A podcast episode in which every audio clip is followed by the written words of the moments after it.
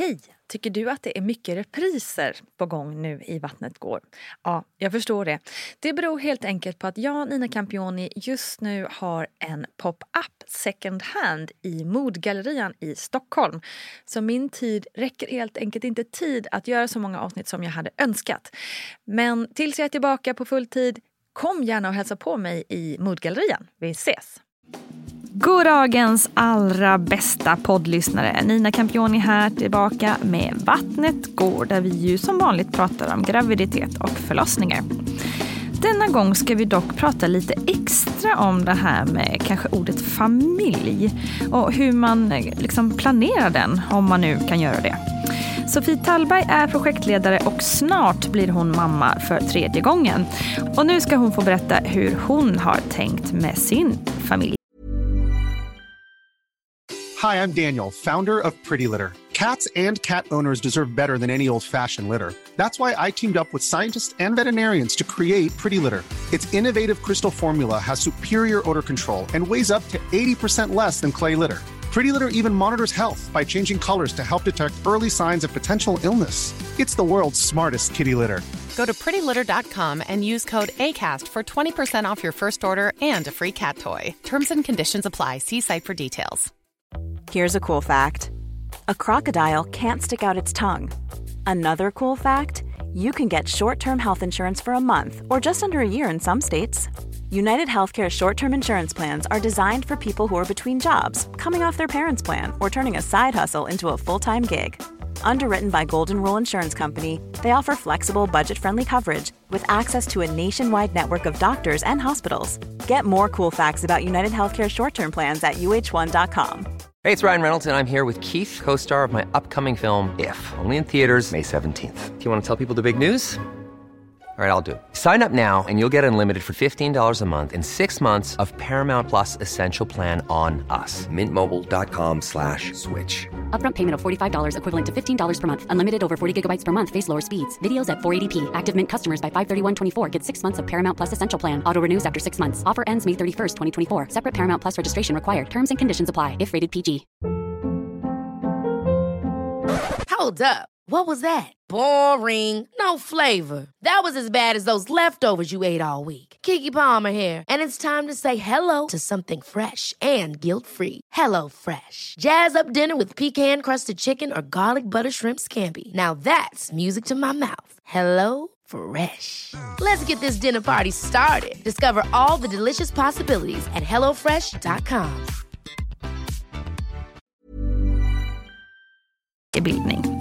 Med oss är också som vanligt barnmorska extraordinär Gudrun Abascal. Nu kör vi! Okej Sofie, är det lite, är det lite körigt hemma?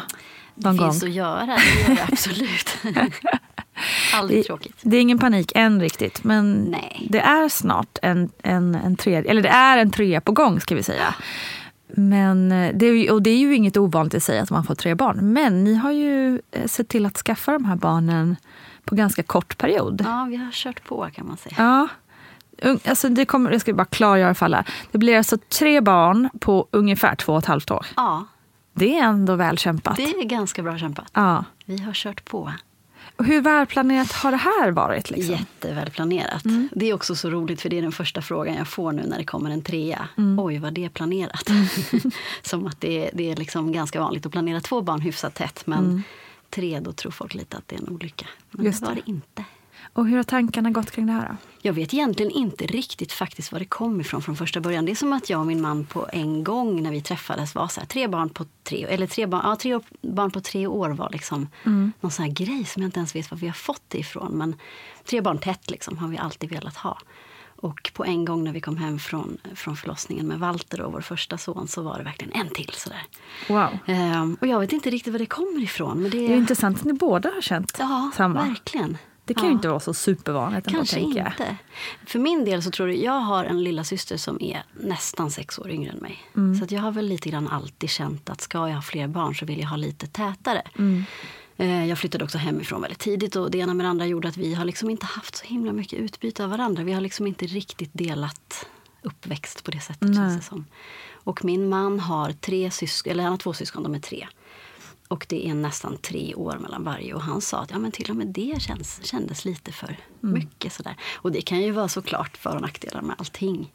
Eh, men eh, ja, vi har båda två haft en önskan om att de ska få dra, dra jämnt liksom, under Mm. sin uppväxt. Man ska säga. Sen finns det säkert för och nackdelar med både och. Jag kan ju titta på folk som har ännu längre mellan sina barn och, och känna att ja, då kan de hjälpa till lite Mm. mer. Och, förstå lite mer. så. Det som har varit en liten utmaning för oss har varit att storebror Walter nu när Vincent kom, eh, som är 16 månader yngre. Och det, det, har ju vi, det som är utmaningen är ju att han förstår inte riktigt sin styrka och sin tyngd och såna där saker. Så att han kan ju, när han vill gossa så kan han gå och sätta sig på bebisen. Liksom, sådär. Sådana saker hade man ju kanske sluppit och kunnat förklara bättre om det hade varit längre mellan dem. Men jag tycker redan att vi börjar få skörda lite frukten också av att de är täta i ålder. De måste ju verkligen få det där. Alltså just det här man tänker med att leka med varandra och Ja. alltid ha varandra. Och... Ja, jag tänker det.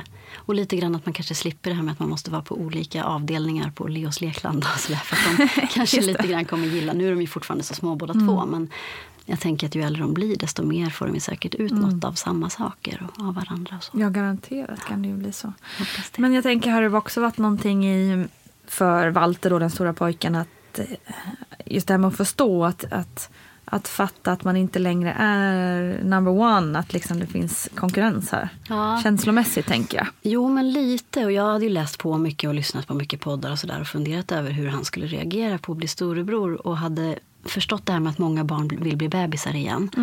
Men han var ju så pass liten redan så att den reaktionen kom inte riktigt. Det var någon svartsjukereaktion sådär lite grann två första veckorna men sen var det som att det inte hände så mycket förrän i våras då när Vincent började närma sig ett halvår.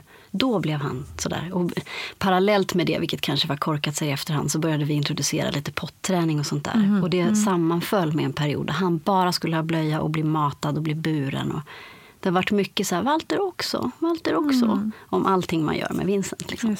Så så har det ju ändå, den reaktionen har det ju blivit. Att han, han vill också vara lika liten. Och det man gör, nu håller Vincent på att liksom lär sig gå lite grann. Han har inte tagit några första egna stegen, men gå med gåvagn och så. Och håller man honom i händerna då, ska jag gå med honom, då Walter också gå. Så ska man göra likadant, fast han kan ju gå alldeles utmärkt bra själv. Ja, ja, ja. Så att visst har han reagerat och vill, det är mycket att han vill vara likadan. Liksom. Hur känns det i ditt så här, mammahjärta? Ja, men det är Med det. ingenting som jag egentligen har så här, känt att jag tycker är dåligt eller som jag, att, han, att han lider av det. Utan bara att jag har förstått att vi behöver bejaka honom.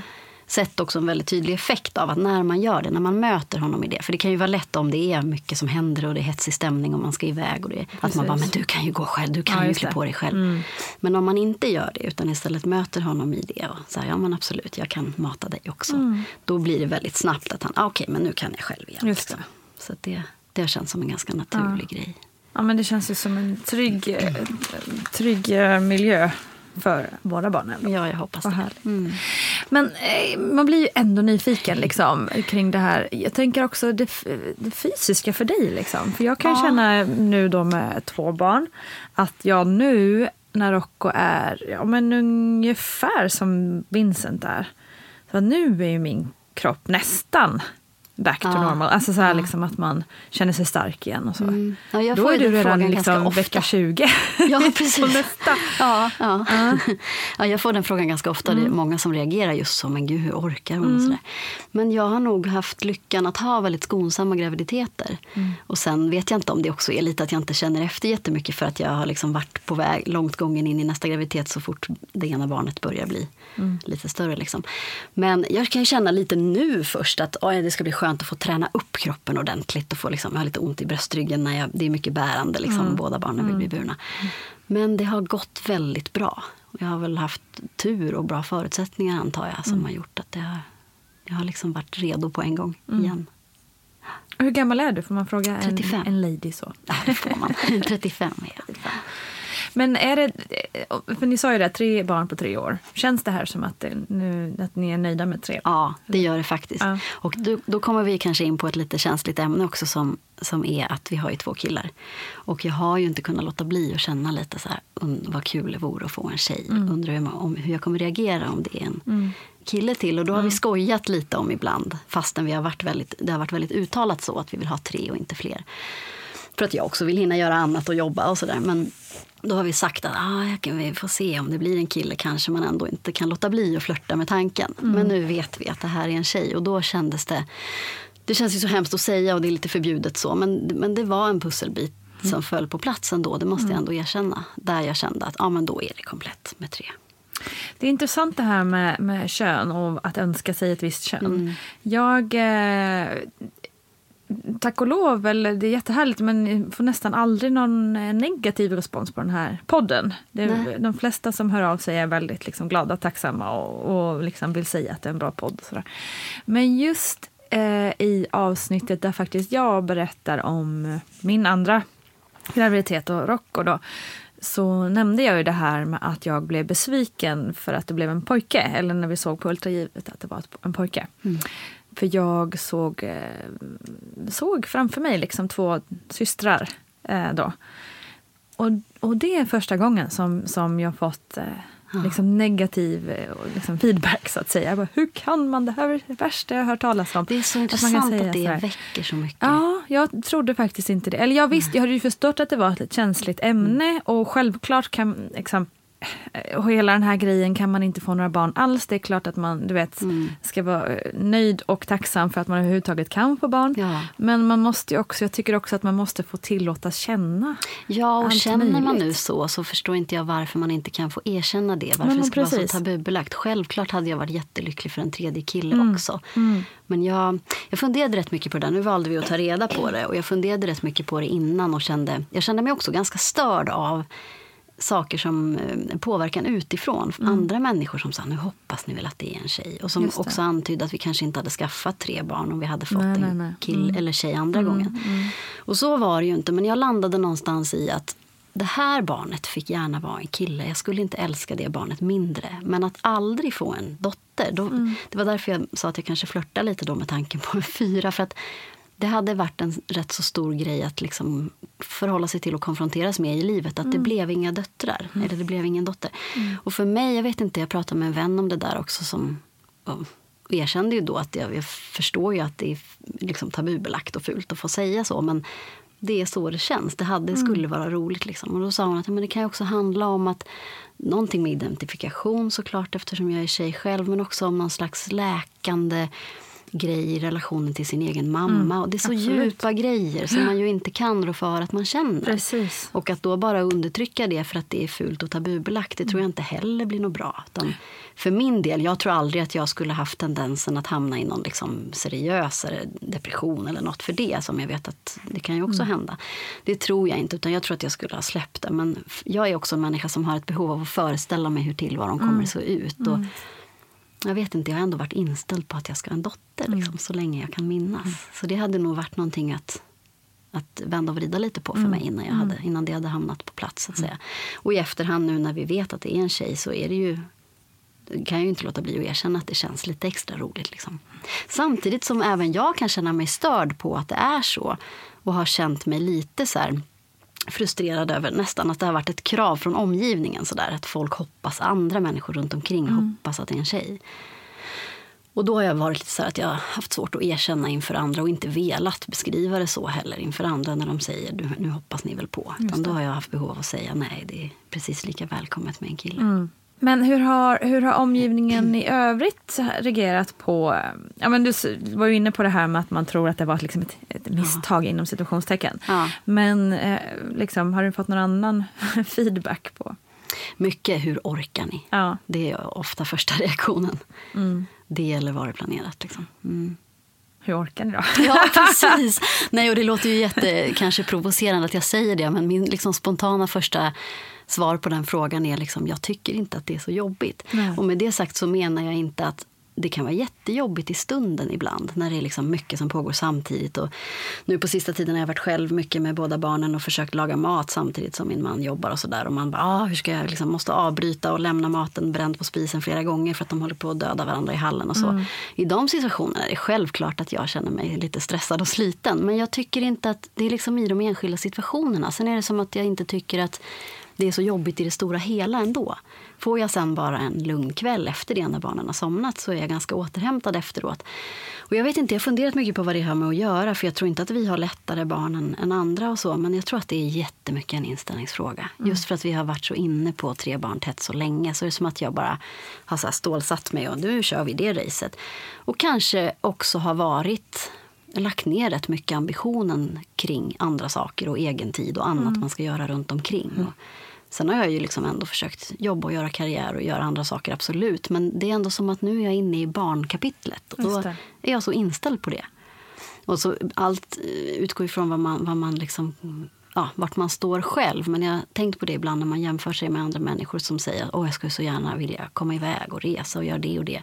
Och jag är liksom inte där. Jag känner att fem minuter på toaletten själv, mm. gud vad skönt. Där är jag, det kan mm. jag längta efter. Men jag har inte så mycket större anspråk än så. Det låter kanske konstigt men just nu är barnen det mm. som är mitt liv och som jag helst av allt gör och vill mm. göra. Liksom. Och då blir det som att när man inte förväntar sig så mycket annat självförverkligande i det, i tillvaron, så är det som att allt annat blir en bonus mm. när jag får komma iväg och göra andra saker. Och så. Det låter kanske konstigt men det... Jag tycker det låter som en otroligt sund inställning. Ja men jag tror det. Jag tror att det är mycket har räddat mig. Och sen att vi, jag och min man är ett så pass bra team. Liksom. Mm. Det känns som att det är en väldigt bra fördelning och att det inte är... Det är liksom mer vad kan jag erbjuda dig än nu vill jag också roffa åt mig tid för mig själv och göra annat. Och då blir det istället att man hela tiden erbjuder varandra frihet. Och jag vet inte, vi har liksom haft en ganska bra ingång i hela den här karusellen tror jag, mm. som gör att vi drar väldigt jämnt och, mm. Och blir stärkta av det mm. också, inte bara nedbrutna på något vis. Eftersom ni redan på förhand då visste, nu kan man ju inte veta att det ska bli just tre barn, men innan ni satte igång så att säga, var ja. det liksom målet från början så här, nu, nu jädrar, nu börjar vi det här barnracet? Nej men det var inte det ändå. Det, det, allting har gått jättesnabbt. Vi träffades för inte så länge sedan höll jag på att säga och blev spontangravida mm -hmm. på liksom första dejten. Eller inte första wow. dejten men första dejten när vi sov ihop så att säga. Okay. Och det satte ju igång en... Vi hade nog inte alls tänkt bilda familj så snabbt i Nej. förhållandet. Men var båda så här, men gud, det här är klart att vi måste liksom, det går inte att bara avbryta, det här måste vi fullfölja nu. Så att vi liksom ganska tidigt i vårt dejtande la ner alla sådana fasader och började flytta in i den tillvaron. Shit, um, nu ska vi bli familj. Liksom. Och sen så gick inte det vägen utan det slutade i ett missfall. Men då var det som att vi hade skapat det här. Vi kom också från, liksom, in i förhållandet där vi, från en plats, eller båda var på en plats där vi ville man, man ville binda sig och skaffa mm. barn och var ganska redo för det. Så när det väl hade hänt och vi hade gått igenom den processen och liksom så här, ja, kommit samman i den gemensamma drömmen så, så var det som att vi, nej men nu kan vi inte vänta. Mm. Och vad då resa runt och lära känna varandra? Nu har ju vi bestämt att vi ska leva familjeliv. Liksom. Mm. Så då försökte vi ganska eller på en gång igen eh, och blev gravida med Walter några månader senare. Gud vad häftigt. Ja, jag kan också tänka mig eh, att ett missfall också för en närmre tillsammans. Ja, Man lär känna varandra ja men det på gjorde det en verkligen. nivå. Även om jag hade känt från början att den här relationen inte innehöll så mycket så spel och grejer som man kan hålla på med när man dejtar så var det ju vid den punkten som det verkligen blev så här, mm. okej okay, nu är det bara öppna kort och fair och vi ska liksom verkligen komma nära varandra och lära känna varandra för vi ska bli föräldrar. Liksom. Mm. Så det var en ganska häftig början. Det hade ju kunnat gå hur som helst. Men för oss var det nog en väldigt bra grej på sätt och vis. Om man får uttrycka det så, så här i efterhand. Liksom. Ja, ja, absolut. Men gud. Det är så coolt det där, hur bara ödet bara blir. Ja, verkligen. Och så var det så mycket som det fortsatte liksom att bara läggas någon slags pussel åt oss. Saker som bara föll på plats och vi köpte hus och vi gifte oss och det var liksom det bara rullade på. Mm. det var verkligen efter devisen är det rätt så går det lätt. Det bara utkristalliserade sig liksom, hur tillvaron skulle bli. Och vi hade så himla gemensam... Alla drömmar var gemensamma. Liksom. Vi ville åt samma håll. Mm. Så det gick snabbt. Och sen var det verkligen... Vi började väl prata redan under graviditeten med Walter tror jag om syskon och täthet mellan och så, om man nu kan styra över det. Mm. Och eh, ja, så blev det det där tre barn på tre år som blev någon slags mål. Jag kommer knappt mm. ihåg ens när det uppstod. Men jag vet så väl just att första kvällen hemma med Walter så sa Andreas en till. Så här. Och jag bara ja, en till. Och, sen har det inte... och du kände verkligen det också ja. efter förlossningen? Det är ja. fasen. Ja, det är just efter sjukt. första förlossningen är det verkligen imponerande ja. att man känner det. Ja. Häftigt. Ja, det var, ja. Det, tre jag har förstått att det är lite ovanligt. År. blir tre barn på två och ett halvt år. Ja. Det är Bra marscherat! Ja, verkligen. Och sen är jag ju väldigt ödmjuk inför att jag förstår att man absolut inte... Det är en ynnest att ha fått den drömmen, eller jag är på väg att få den drömmen uppfylld. Det hade ju inte alls behövt gå så lätt för oss, men det har det verkligen gjort. Det är jag jättetacksam och glad över. Men du, nu då, eftersom du är gravid med en, en flicka, ja. har du känt någon skillnad i graviditeterna? Jag har ju det. Alltså. Ja, jag vill liksom egentligen inte nästan erkänna det. För jag tycker att det låter så löjligt när alla säger att det är skillnad. Och folk har ju sagt tvärtom också till mig att graviditeter kan kännas helt olika fastän mm. det är samma kön. Mm, Men jag hade nästan identiska graviditeter med Walter och Vincent och den här känns inte alls likadan. Mm. Det är jättekonstigt, svårt att beskriva också men dels symptomen, jag mådde mycket mer illa med båda killarna i alla fall de 12 till 14 första veckorna. Sen hade jag väldigt skonsamma graviditeter också ska jag säga. Men det var väldigt påtagligt. Liksom. Mm. Men det har jag inte alls känt på samma sätt med det här barnet. Och inte någonting sånt där att vissa saker kan jag inte äta och så. Det hade jag jättemycket. Både med Walter och Vincent. Inte jättemycket cravings med någon av barnen. Men tvärtom. Att mm. jag säger ah, det där går inte. Liksom. Ingenting sånt alls med den här graviditeten. Däremot har jag varit mycket mera trött och så orkeslös den här gången. Och jag tror inte det har att göra med att jag har två små barn ändå. För vi har haft semester båda två länge under sommaren. Och sen har det i och för sig varit väldigt varmt så det är svårt att sätta fingret på mm. vad som är vad. Men mm. orkeslöst på ett helt mm. annat sätt. Och lite mer så vätska i kroppen och sånt. Det har jag inte haft någonting med de andra två. Utan det, men det känner jag av nu. Mm. Ja, och sämre hy och sådana där saker alltså som jag inte har upplevt förut. Så de skiljer sig åt rätt mycket. Och det kanske jag inte hade tänkt på så mycket om det inte vore för att de två första var så lika.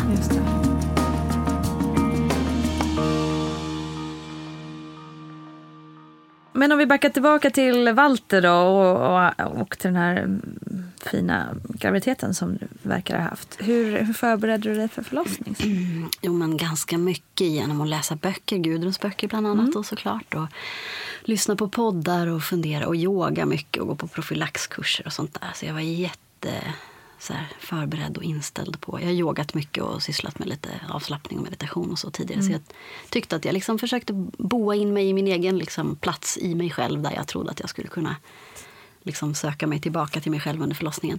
Men sen blev det ju inte alls som jag hade tänkt mig. Som så många gånger förr. som så många gånger förr.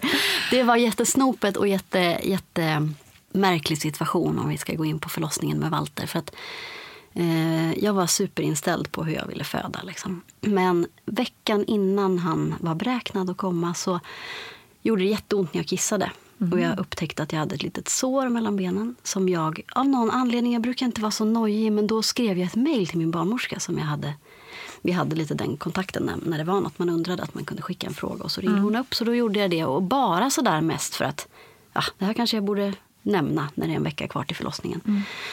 Och hon ringer upp mig och som jag då tycker i den situationen blåser upp det oproportionerligt och mm. säger jag vill att du åker in till, till special, vad heter det? specialist BB på SÖS och kollar vad det där är för någonting. Äh, tänkte jag. Liksom, jag har väl rivit mig med en nagel eller något. Mm. Det var ingen grej. Glöm mm. att jag sa något ungefär. Mm. Nej, nu lyssnar du på mig. Nu åker du in och kollar upp det där.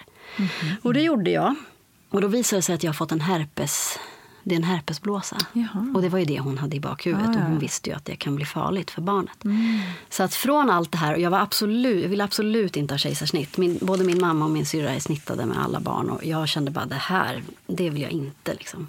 Och har alltid varit otroligt nyfiken på hur det är att föda barn. Och kände mm. mig inte alls rädd för det. Utan jättetaggad och supersugen. Liksom. Men däremot jätterädd för kejsarsnitt. Tycker att det är jätteläskigt med mm. operation. Det som då hände då när jag kom in där var att de mycket riktigt eh, konstaterade att jag hade fått en, ett herpesvirus. Och, men, och frågade mig då, har du haft det här förut? Och det kunde jag inte minnas att jag hade. Men de sa att först du måste nästan ha haft det, för du har bara två eller tre blåsor var det. Och du har ingen feber och ingenting. En förstagångsinfektion är liksom, då blir man jättesjuk. Mm. Och det som då var grejen fick jag lära mig var att det var inte alls farligt om det var andra eller tredje gången. För då har kroppen en massa, då har du massa antikroppar. Mm. Och då är det inte farligt för barnet. Men är det första gången så kan det vara farligt för barnet. Och framförallt så är det farligt att föda vaginalt då. Mm. Och det var ju så ultimat dålig timing då. Hade jag blivit smittad några veckor tidigare då hade jag hunnit bilda antikroppar och sådär. Men, men eh, precis nu då inför förlossningen så var det ju, mm. då kunde det vara farligt. Och jag frågade min man och han kunde inte minnas att han hade något. Jag måste ju då ha blivit smittad av honom då. Mm. Eh, och han hade inte heller. Men efter då många undersökningar och provtagningar och grejer så konstaterades det att det var en förstagångsinfektion mm. och att man kan bli smittad även om mannen i fråga inte har någon blåsa. Och han kom inte heller ihåg att han hade haft det, men han, man kan tydligen bära på det. Mm. Och jag kanske blev smittad då för att immunförsvaret var lite ansatt mm. inför förlossningen. Och så. Vad för risker kan herpes i underlivet skapa? Ja, det här har man ju då diskuterat mycket utifrån det är från barnets perspektiv. Då.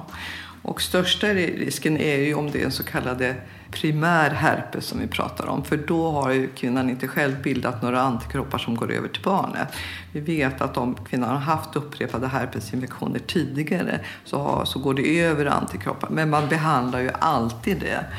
Eh, det på grund av att ändå så ser man att risken för att det, att det uppstår en herpesinfektion hos barnet kan ske. Och I värsta fall att de kan få en mycket allvarlig komplikation som hjärnhinneinflammation.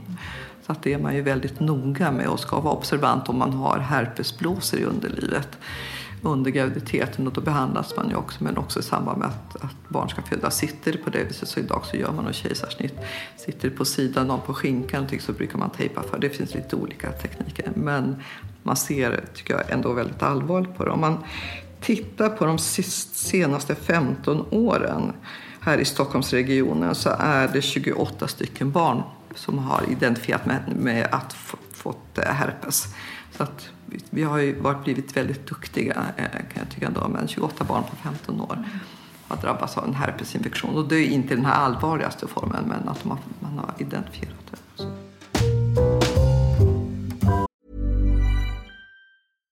Hej, jag Ryan Reynolds. At Mint Mobile, we like to do the opposite of what Big Wireless does. They charge you a lot we charge you a little. So naturally, when they announced they'd be raising their prices due to inflation, we decided to deflate our prices due to not hating you. That's right. We're cutting the price of Mint Unlimited from $30 a month to just $15 a month. Give it a try at mintmobile.com slash switch. $45 up front for three months plus taxes and fees. Promo for new customers for limited time. Unlimited more than 40 gigabytes per month. Slows. Full terms at mintmobile.com. Ever catch yourself eating the same flavorless dinner three days in a row? Dreaming of something better? Well, HelloFresh is your guilt-free dream come true, baby. It's me, Gigi Palmer. Let's wake up those taste buds with hot, juicy pecan-crusted chicken or garlic butter shrimp scampi. Mm. Hello Fresh. Stop dreaming of all the delicious possibilities and dig in at HelloFresh.com. Let's get this dinner party started. Quality sleep is essential. That's why the Sleep Number Smart Bed is designed for your ever evolving sleep needs. Need a bed that's firmer or softer on either side? Helps you sleep at a comfortable temperature? Sleep Number Smart Beds let you individualize your comfort so you sleep better together. JD Power ranks Sleep Number number 1 in customer satisfaction with mattresses purchased in-store. And now, save 50% on the Sleep Number limited edition Smart Bed for a limited time. For JD Power 2023 award information, visit jdpower.com/awards. Only at a Sleep Number store or sleepnumber.com. A lot can happen in 3 years. Like a chatbot may be your new best friend. But what won't change? Needing health insurance. United Healthcare tri-term medical plans underwritten by Golden Rule Insurance Company offer flexible, budget-friendly coverage that lasts nearly 3 years in some states. Learn more at uh1.com. Hey, it's Ryan Reynolds and I'm here with Keith, co-star of my upcoming film If, only in theaters May 17th. Do you want to tell people the big news?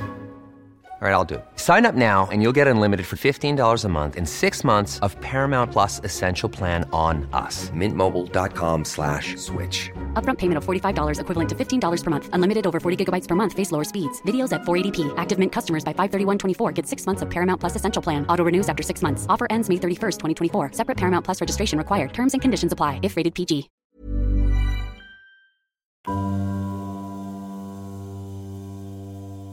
Så det som då hände, det var midsommarhelg och jag var helt knäckt och det vill absolut inte. Och de sa att först så tog, kunde de ju bara konstatera att det var herpes och då sa de att går vattnet nu eller någonting händer och det drar igång, då vill vi att du kommer in så blir det akutsnitt. Eh, fram tills vi har fått provsvaren och då ser vi om det var en andra gångs infektion så kan du föda vaginalt men är det en första gångs infektion så vill vi snitta dig. Så midsommarhelgen gick där och jag tyckte inte alls att det var något kul men började väl ändå liksom vänja mig vid tanken och förstod mer och mer att det kan bli riktigt illa för barnet. Eh, de, de, kan liksom bli riktigt handikappade om de föds och får herpes. Det är ju inte jättestora odds, men oddsen finns. Och det, får de det så är det ganska stora odds att det blir allvarliga konsekvenser. Mm. Så jag och min man pratade där mycket under helgen och kom väl ändå fram till att självklart, för de sa på, på BB att vi kommer inte tvinga dig men det här är vad vi verkligen, verkligen rekommenderar. Och då kom ju vi såklart fram till att det vill man ju inte äventyra utan då Nej, blir det snitt. Såklart.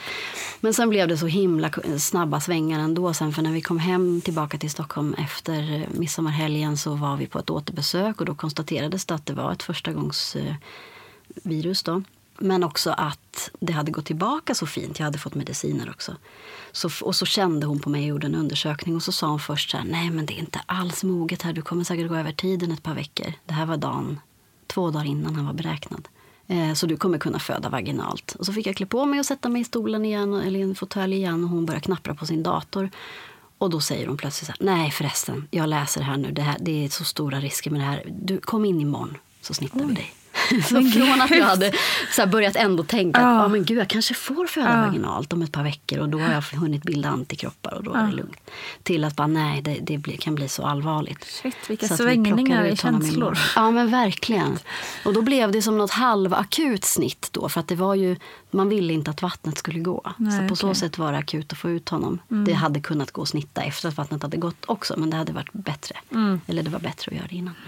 Men ändå var det inte akut för att inget hade dragit igång. Så jag fick liksom plats på någon så specialavdelning och hann inte få någon information om hur det skulle gå till eller vad jag skulle göra. Och när vi kom dit på morgonen, klockan nio morgonen efter det så var det nästan så att jag fick lite utskällning för att jag inte hade tvättat mig på rätt sätt och för att jag hade nagellack. Och, för att, och det var ingen som hade informerat mig om hur jag skulle förbereda mig. Då. Men sen gick själva snittet jättesmidigt och jätte, jättebra. Men det var, det var en liten omtumlande upplevelse och jag mm. tyckte att veckorna efter var jobbiga. Alltså, mentalt var det jätte, jättebra liksom, och jag hade släppt och jag kände att jag spelar roll hur han föddes, han är här och han är frisk. Liksom. Mm.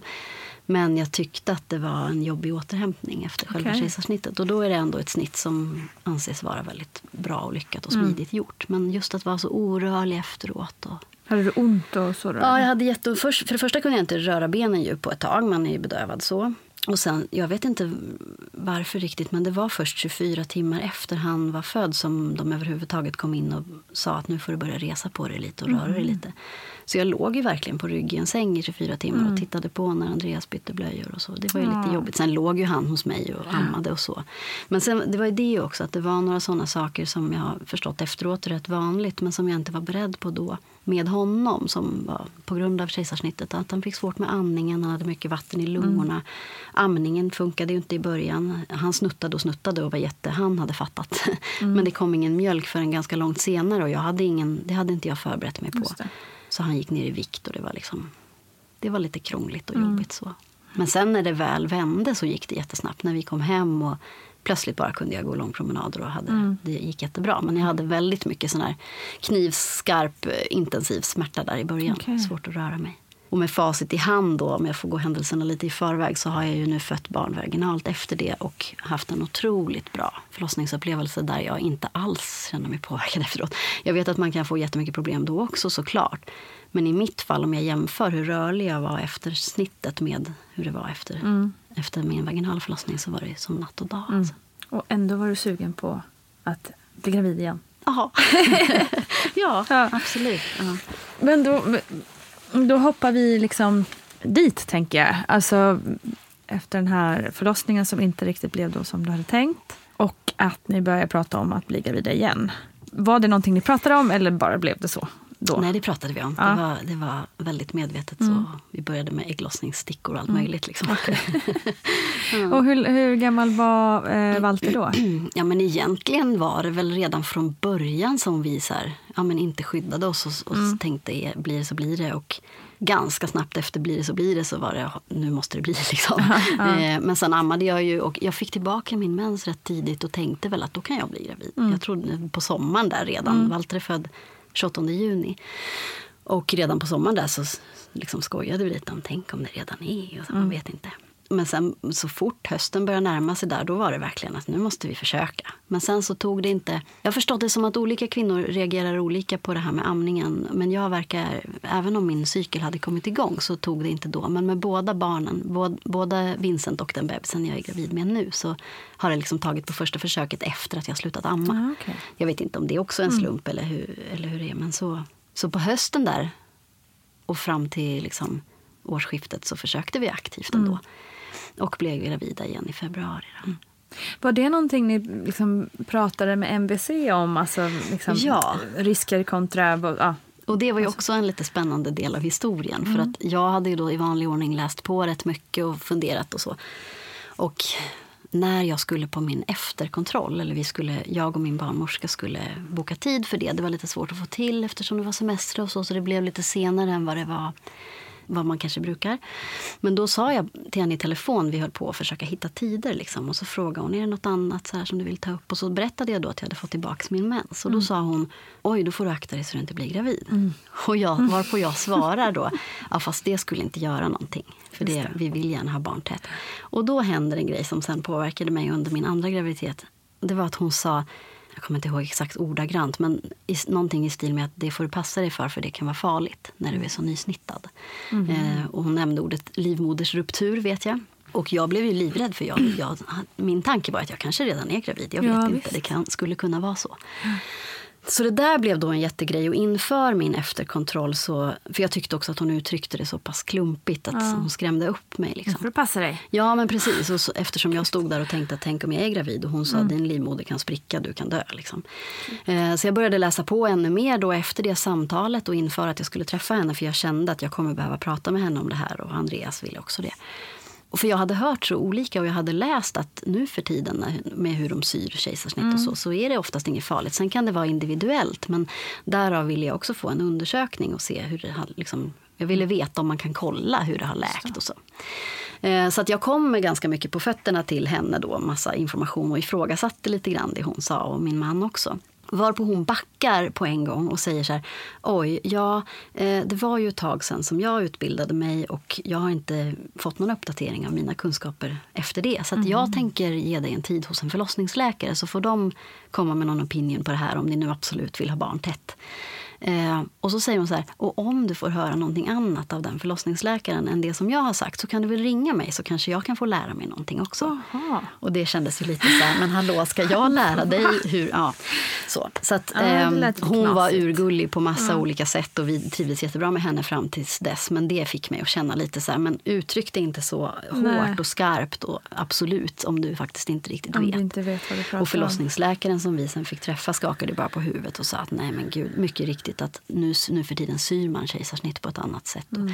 Absolut, de kommer vilja hålla mer koll på dig och de kommer vilja liksom se att moderkakan inte växer fast i ditt kejsarsnittsärr och sånt mm. där.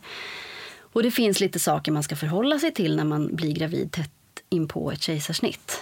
Bland annat att man inte ska pumpa på med så mycket verkstimulerande och helst inte sätta igång en förlossning om man går över tid utan då ska man hellre snitta igen. Och mm. Några sådana saker fick mm. jag med mig under mm. min andra graviditet. Men ingenting att det var farligt att bli Nej. gravid igen. Nej. Det borde och om det inte hade varit ett snitt så hade det inte varit något, några Nej. betänkligheter direkt? Nej. Eller? Nej.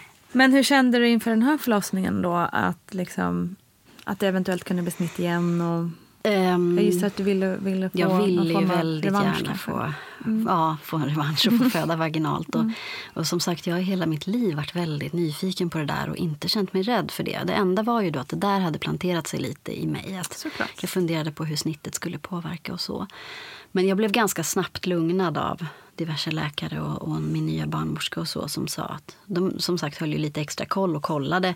De, jag kunde ganska tidigt få höra att nej men moderkakan ligger inte över ärret så du behöver inte, för det var ju tydligen största risken då. Mm. Att när den sen skulle lossna då kunde den slita upp ärret. Ja, ja, ja. Gud vad obehagligt.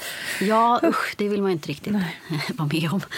Um, så det hade jag ju med mig men, men ja, jag hade med mig det under hela graviditeten absolut. Men jag var ändå väldigt taggad på att få föda vaginalt.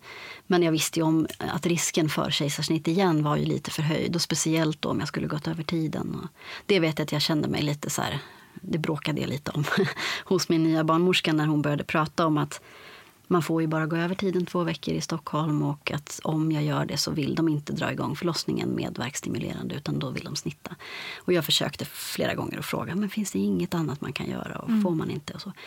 Och det var de ganska bestämda på, men sen när det väl hände så, så var det ändå, de satte inte igång förlossningen med verkstimulerande dropp utan den drog igång av sig själv men jag fick ändå lite sån push på vägen. Och, de höll lite extra koll på mig under förlossningen men det var liksom inget som verkade som att de tyckte det var några konstigheter. Utan bara att de var lite uppmärksamma. Liksom.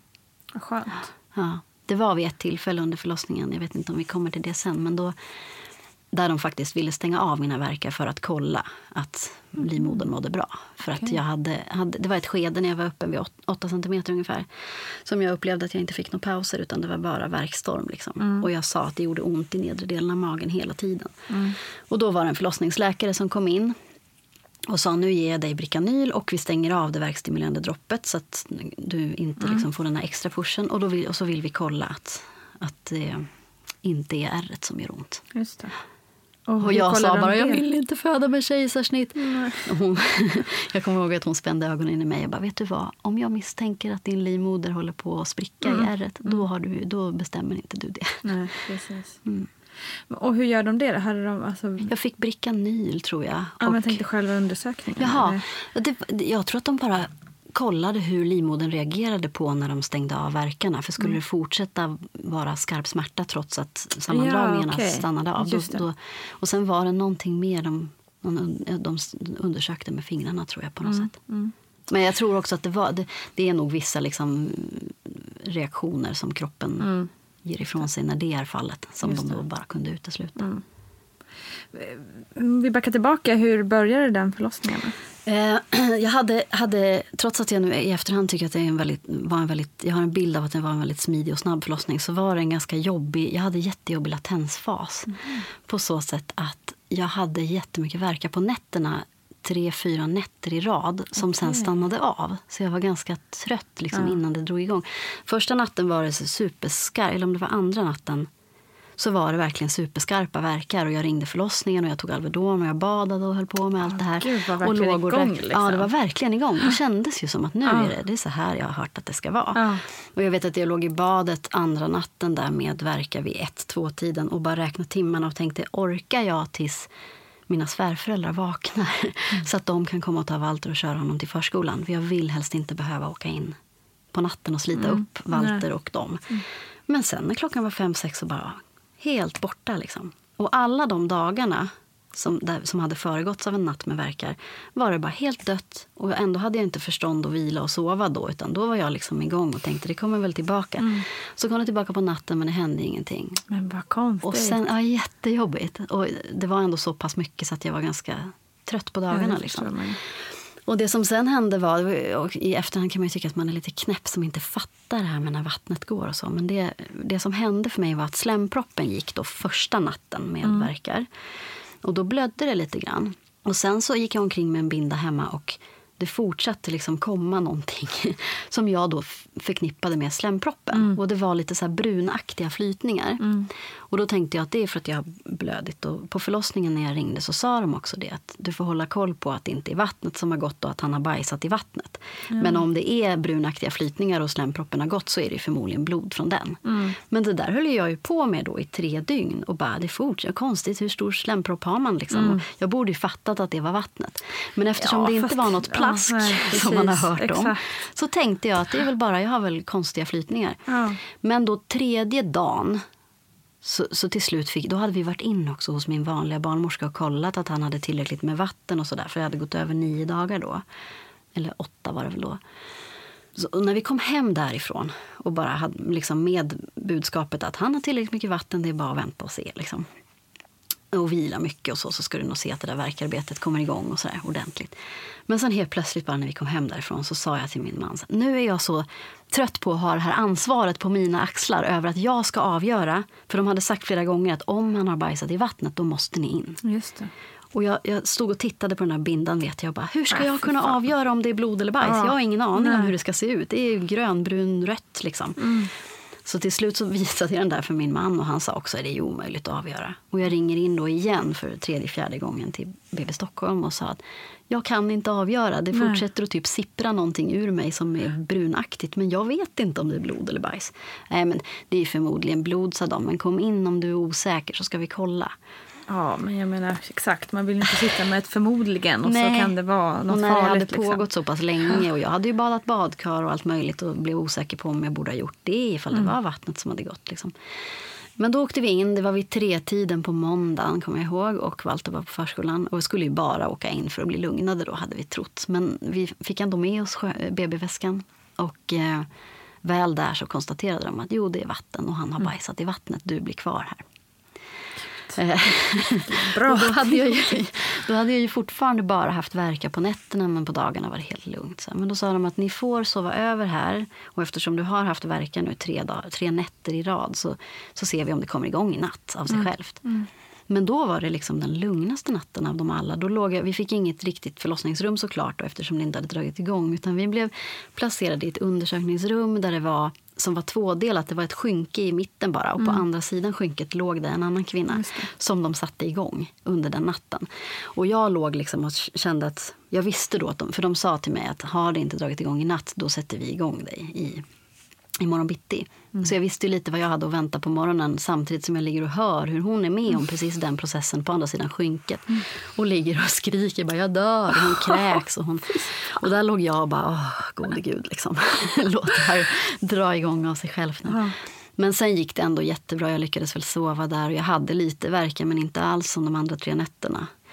Och på morgonen då, så, då var det inget tal om att man inte skulle sätta igång eller så. Utan det hade ju i viss mån dragit igång av sig självt. Men då satte de in vet jag, verkstimulerande vid halv nio på morgonen efter att vi hade ätit frukost. Och sen föddes Ja, och då var det liksom inga betänkligheter för eh, Nej, då sa de bara att vi skjuter på försiktigt. Liksom. Och du har ju ett litet eget verkarbete. Vi behöver bara putta igång din kropp. Men då var det inget tal om att det skulle vara farligt. Utan, men de nämnde ju att vi håller koll på det och vi, vi tar det försiktigt. Liksom. Och då gick det, ju, gick det ju igång lite av sig självt också där. Så att det behövdes inte så hög dos av det. Ehm, och sen är han född kvart i fem. Så det tog väl drygt åtta timmar då från att de räknar att förlossningen drog igång där vid halv nio. Wow, och då gick det ändå liksom den klassiska vägen förutom det här stoppet då, Ja. som ni gjorde när ni Ja. var 8 centimeter. Och det uppfattar jag som ganska kort. Då var, det var bara att någonstans där vid 8 centimeter var det svinjobbigt.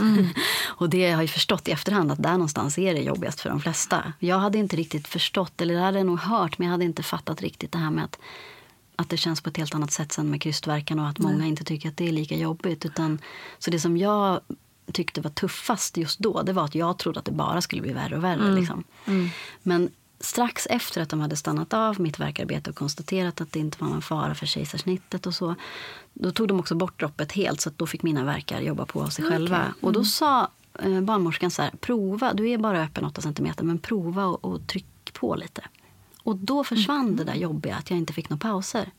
Okej. Så ganska snart då så fick jag ordentlig krysskänning. Jag fick krysta några gånger utan att ha riktig krysskänning. Men sen så drog det igång liksom den biten och då tyckte jag ju bara att det var svincoolt. Alltså. Självklart var jag inte superkaxig hela tiden och tyckte att det gjorde ont. Men det var något annat. Det är som så många har sagt att då kunde jag göra något. Och då, ja, då var det mest en kraft som var så här urhäftig. Liksom. Ja. Och då hade också mycket av min rädsla tagits bort. För jag hade ändå det med mig. att Fixar min livmoder det här nu? Ja, liksom? precis. Eh, Just för att de också hade satt in verkstimulerande fast jag hade fått höra hela graviditeten att man inte skulle det. Och det här med bajset i, i vattnet och så, vad, vad, vad gör de med det liksom? Ja, det var lite intressant för jag har hela tiden bara trott och hört att det, då är det inget bra, då är barnet stressat. Och jag frågade då när vi, när vi fick beslutet på att bli inskrivna där varför har han bajsat i vattnet? Hur mår han? Liksom? Och då sa de att det behöver inte alls vara någonting farligt. Och barnmorskan, jag vet inte om det var för att lugna oss, men hon beskrev det som att en del barn ligger helt enkelt och leker med navelsträngen och får tag i den. Och då tuppar de av för de inte får någon syre och då bajsar de på sig och sen släpper de den. Så att det kan vara, det behöver inte vara farligt vad jag förstod. Och, och de kunde konstatera att han mådde bra hela tiden. Okej. Men han bajsade det första han gjorde när han kom ut också. Han, jag vet inte. han var bajsnödig. Ja, precis. Det måste man ju också få vara.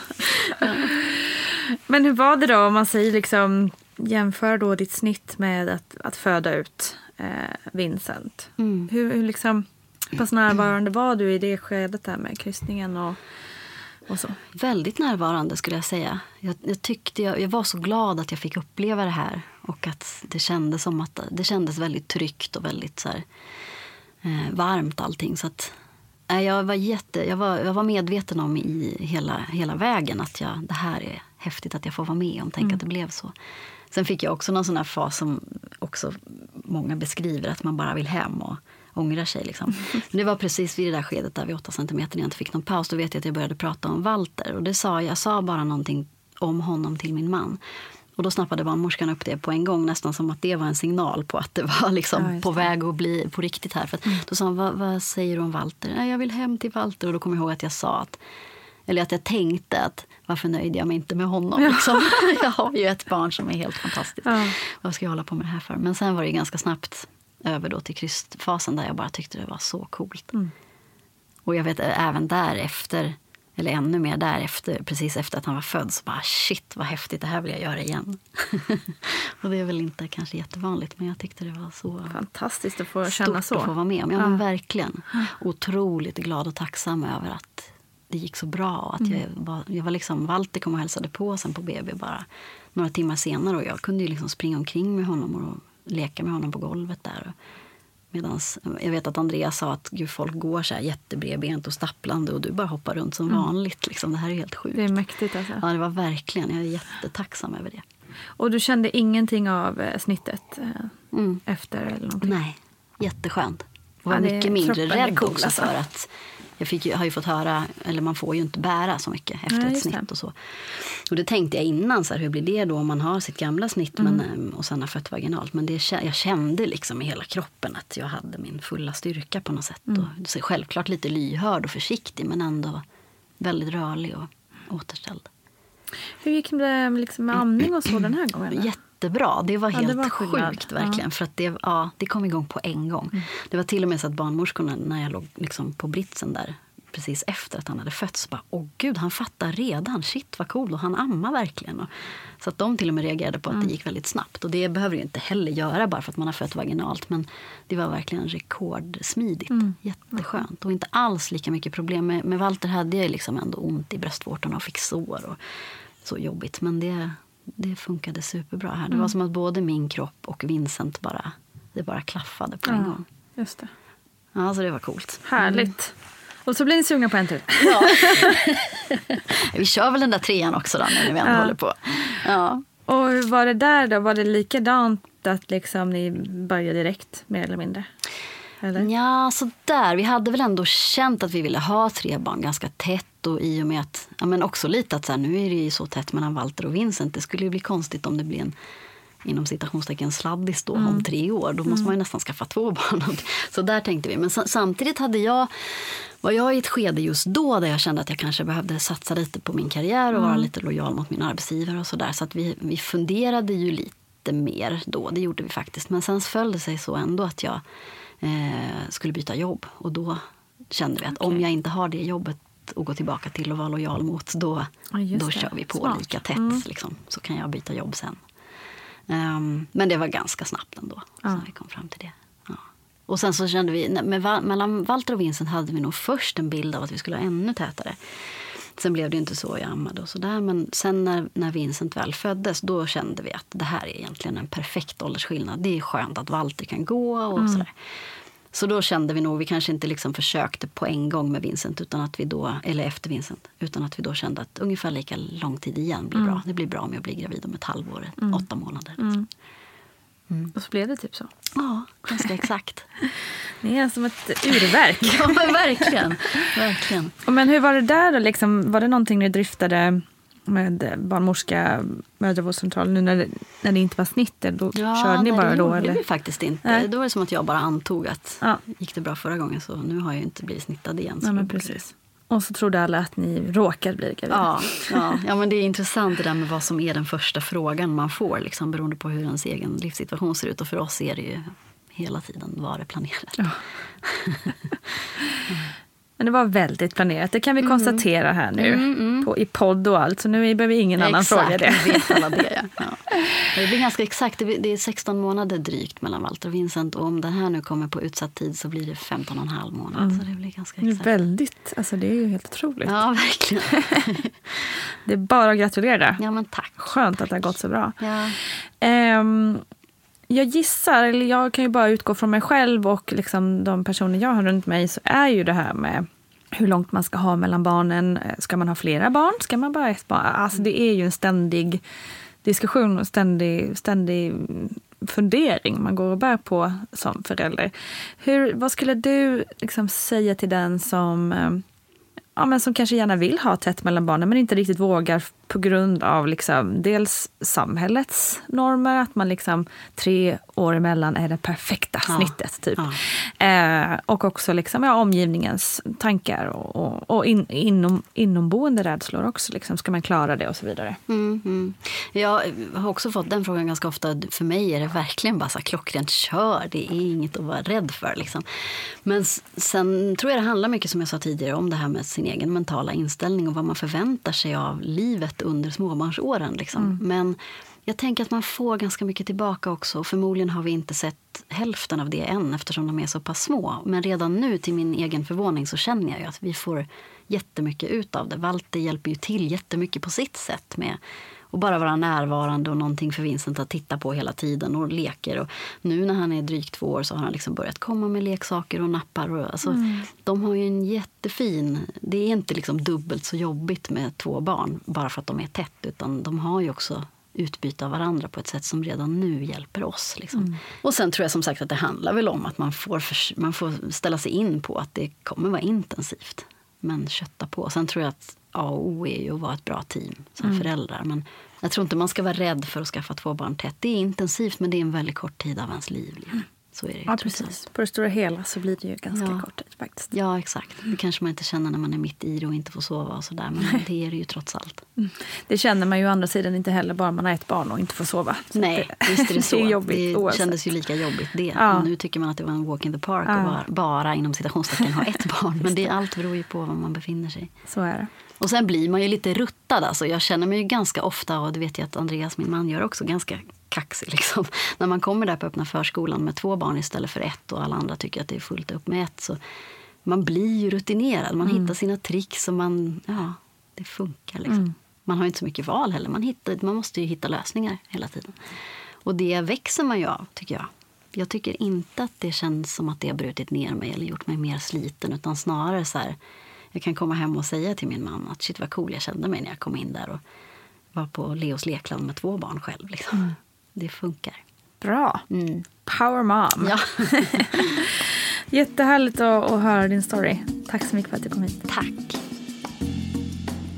Stort tack Sofie Tallberg. Det var väldigt intressant att höra hur du tänkt och också extremt härligt att höra att ni verkligen fick som ni hade önskat er. Tack också kära lyssnare för att ni hänger med hela vägen. Vi ses på Instagram och hörs snart igen. Puss och kram!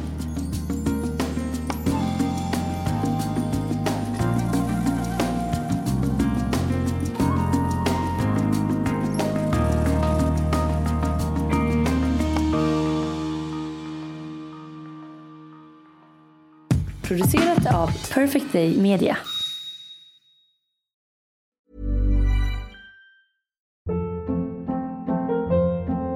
Hold up. What was that? Boring. No flavor. That was as bad as those leftovers you ate all week. Kiki Palmer here, and it's time to say hello to something fresh and guilt-free. Hello Fresh. Jazz up dinner with pecan-crusted chicken or garlic butter shrimp scampi. Now that's music to my mouth. Hello Fresh. Let's get this dinner party started. Discover all the delicious possibilities at hellofresh.com.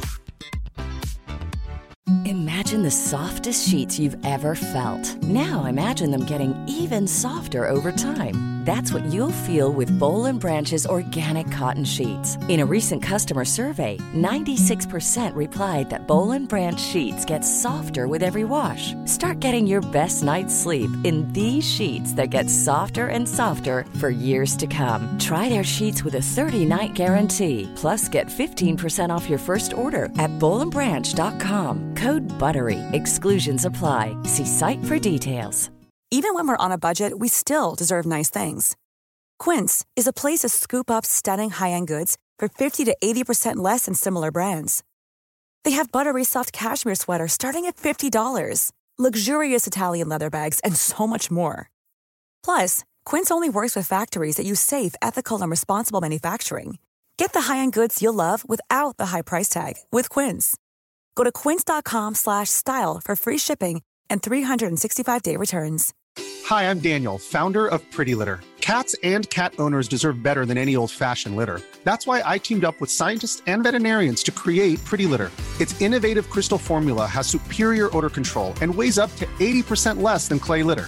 Pretty Litter even monitors health by changing colors to help detect early signs of potential illness. It's the world's smartest kitty litter. Go to prettylitter.com and use code ACAST for 20% off your first order and a free cat toy. Terms and conditions apply. See site for details.